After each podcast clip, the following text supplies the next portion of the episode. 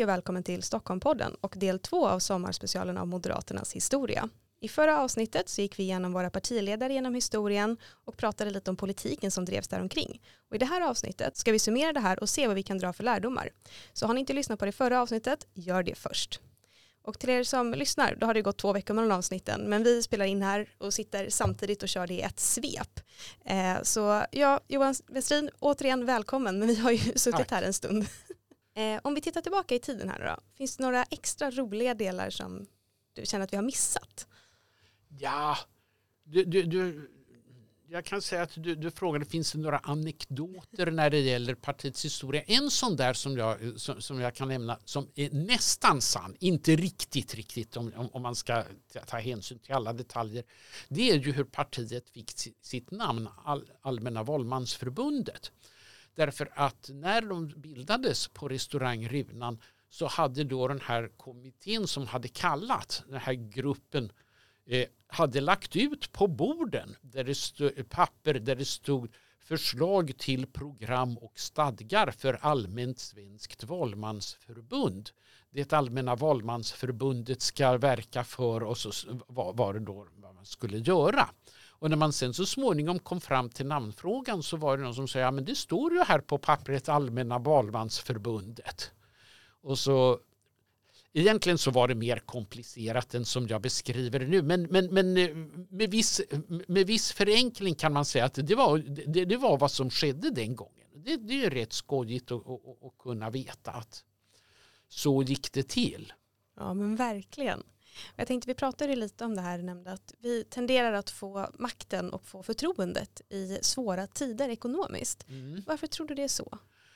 Ja, egentligen så tror jag att det beror på att svenska folket väldigt länge har varit ett i grunden socialdemokratiskt folk. Det vill säga man har sett det som att Socialdemokraterna har varit de naturliga att styra Sverige de kom till makten 1932 och det var under hela den här tiden som de satt vid makten som den svenska välfärden byggdes upp. Och det var ju Socialdemokraterna väldigt skickliga på att ta åt sig äran för. Det hade ju vilket parti som helst som hade styrt under en sån period varit. Så att, så att jag brukar säga att svenska folket röstade normalt socialdemokratiskt och när man röstade på oppositionen det var när man var missnöjd med dem. Och det innebar att det var just när det var svåra tider som de borgerliga partierna kom till makten och, och fick då kriser att ta hand om. Det, så, så, var det på 1970-talet. Då, hade, hade, då var vi ju inne i en kris som dels berodde på utländska faktorer. Eh, oljekrisen inträffade ju 1973. Men också så, så var, berodde Sveriges tillbakagång väldigt mycket på de besluten som hade fattats vid den socialdemokratiska partikongressen 1969. För då hade man beslutat om någonting som man kallade för den fördelningspolitiska skattereformen som man sa innebar att man skulle sänka skatten för låginkomsttagarna och höja den för höginkom, höginkomsttagarna. Eh, det där genomförde man till hälften, det vill säga man höjde skatten för höginkomsttagarna men sänkte den inte för, för låg och medelinkomsttagarna. Och sen hade man inte inflationssäkrat skatteskalorna. Så att när inflationen sen steg så var det fler och fler som hamnade i de här säga, inom citationstecken höginkomstgrupperna och fick de här höga eh, marginalskatterna. Till att börja med så var det tjänstemän men sen, men sen även LO-arbetare som drabbades av högre skatter. Vilket ledde till att det blev högre lönekrav som drev upp skatterna ännu mer och sen drev ju det där upp varann i en ond spiral. Och sen eh, när då den här 70-talskrisen blev mer akut så skulle ju Socialdemokraterna föra någonting som de kallade för överbryggningspolitik. Det vill säga när det blev en lågkonjunk internationell lågkonjunktur så sa de att andra länder kan ha en lågkonjunktur men vi är världsmästare i ekonomisk politik så vi hoppar över den här lågkonjunkturen. Eh, och det skulle man ju klara då genom att man lånade upp en massa pengar och sen så skulle man Eh, se till, man sa åt svensk industri, fortsätt att tillverka varor som ni har gjort förut. Bry dig inte om att det är lågkonjunktur. Därför att vi betalar ett lagerstöd till er för att ni ska göra det. Och tanken med den politiken var ju att det här internationella lågkonjunkturen skulle bli väldigt kortvarig och sen när den gick över så skulle man sälja de här lagren som hade byggts upp. Men så blev det ju inte utan den här konjunkturuppgången som regeringen hade räknat med den kom inte. Och där satt då de svenska företagen med så här, lager som var överfulla med varor som ingen ville köpa och en personalstyrka som man inte hade tillräckligt med pengar för att betala löner till. Och därmed så blev det en så här, dramatiskt ökad arbetslöshet. Och i det läget så fick regeringen Fälldin ta över. Och regeringen Fälldin försökte ju lösa det hela genom någonting som man kallade för doktor Åslings akutmottagning. Det vill säga att företagare som hamnade i akut kris gick till industriministern som hette Nils Åsling och sa att nu håller mitt företag på att gå omkull och så här och så här många kommer att förlora sina jobb. Och då frågade Åsling hur mycket pengar behöver ni för att klara driften? Ja, åtminstone så här mycket sa företagaren. Och så tog Åsling fram checkblocket och skrev ut då och sa, sa jo men fortsätt. Och det här, det här var ju en politik som blev väldigt kostsam för Sverige och som skuldsatte Sverige väldigt djupt. Men man förde den ju just för att man inte ville hamna i en sån här jättearbetslöshet som hade drabbat Sverige på 1930-talet. Så att eh, det var ganska knepiga tider. Mm, ja men verkligen. Det blir ju lite så här att det blir ju verkligen en uppblåst ekonomi genom att ja. hålla på på det här sättet och nästan steroida den fram. Och det ja. kan ju också leda till en mycket, mycket starkare smäll sen när man väl måste ja, ta ja. det. Jo, så var det. Sen, sen nästa gång, det var ju regeringen Bildt. Och då kom ju här, alltså återigen en sån här ekonomisk kris som, som drabbade Sverige. Dels var det ju bankerna som hade lånat ut pengar eh, säga, på, på ett nästan ansvarslöst sätt och där man som säkerhet hade fått då fastigheter som hade blivit otroligt övervärderade. Och sen så fick man ju då dessutom till följd av det då också en fastighetskris och sen så kom det ju en internationell finansiell kris också som ju drabbade Sverige väldigt, in, in, kanske inte, jo, jag, jag, tror jag vågar säga att det drabbade Sverige hårdare än, ja, än många andra länder i alla fall. Och den, regeringen Bildt försökte ju upprätthålla kronans värde och den gången hade vi ju inte en självständig riksbank som nu utan Riksbanken höjde ju räntan. Ett, ett, ett kort tag så hade man ju till och med 500 procents ränta. Och det där har man ju fått höra, det, det har ju folk kritiserat oss för väldigt mycket. Att man för länge försökte upprätthålla svenska kronans värde. Och där brukar jag säga det att eh, det, är alltid, det är alltid lätt att vara efterklok. Men Sverige var faktiskt inte det landet som hade den sämsta ekonomin av de här som drabbades av de här valutaspekulationerna den gången. Det fanns länder som var, hade ännu sämre ekonomi, Belgien till exempel. Men de kom undan med bara förskräckelsen genom att de var i ett EG-land och, och stöttades av, av andra EG-länder. Medan Sverige då fortfarande stod utanför och inte klarade det hela. Och det är klart, det kostade Sverige väldigt mycket det här. Visst, vi förlorade mycket på det. Men hade den politiken lyckats så hade Sverige varit ett mycket rikare land. Mm. Och sen var väl även kronkursen fast här i början? Ja, man släppte ju, alltså, mm. så var det ju. Alltså, den, man tvingades ju släppa kronkursen på hösten 1992 och då föll ju den svenska kronan i värde med ungefär 25 procent. Och det är klart att det, det, det drabbade ju den svenska ekonomin samtidigt som det egentligen också hjälpte den. Därför att det var ju en, i praktiken en, en, en devalvering. Och eh, genom, genom att det var så här, regeringen Bildt som satt vid makten den gången så försökte man, alltså en, en devalvering är ingen lösning på de ekonomiska problemen men den ger ett anstånd. Det gör att man får bättre tid på sig. Men sen måste den följas upp med strukturella förändringar.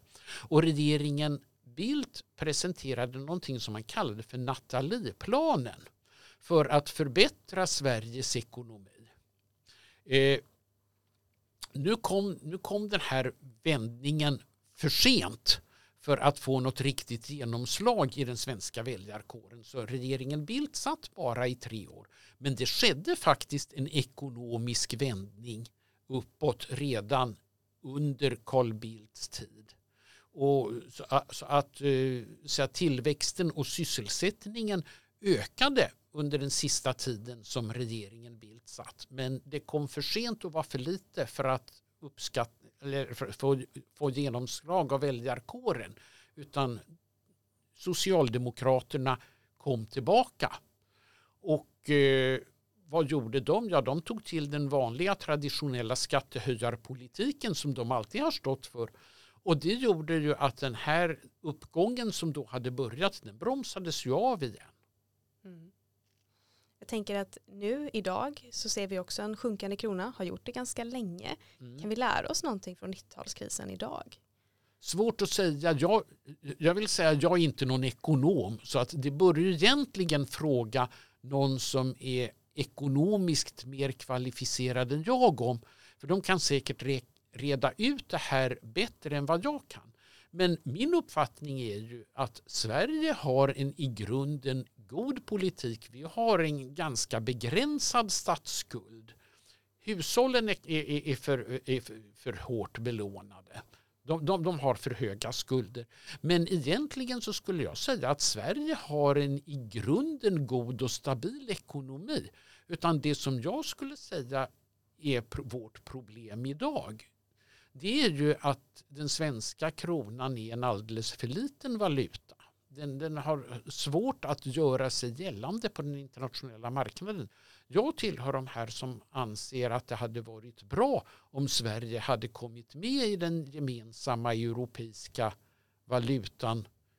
Men man får, svenska folket röstade nej 2003 och jag säger att eh, det måste vi respektera. Alltså, det är så demokrati fungerar.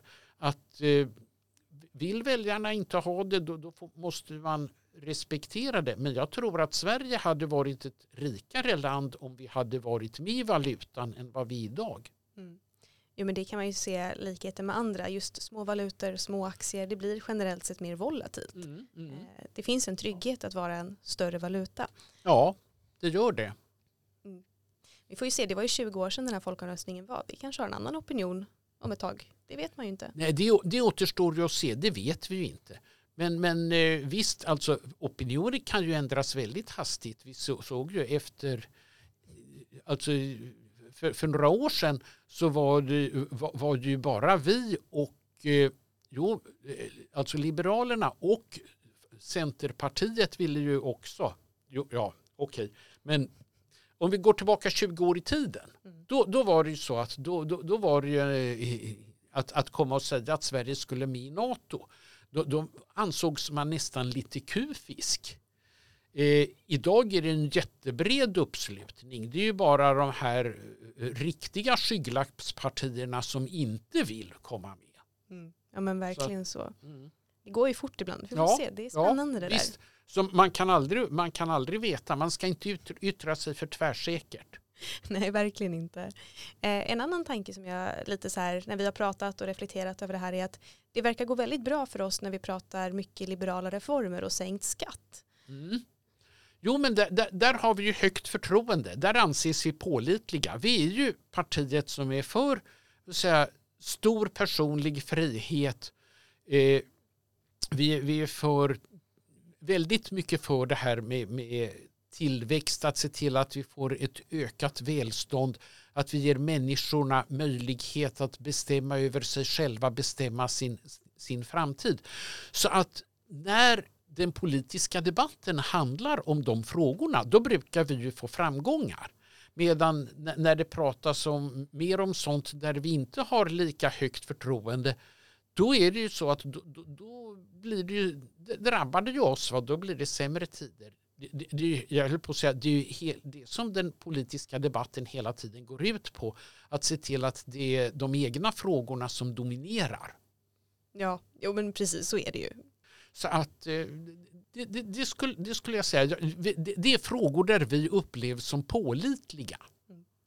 Tror du vi hade mått bra av att ha en ny sån stor frihetsreform likt friskolereformen eller husläkare eller något sånt?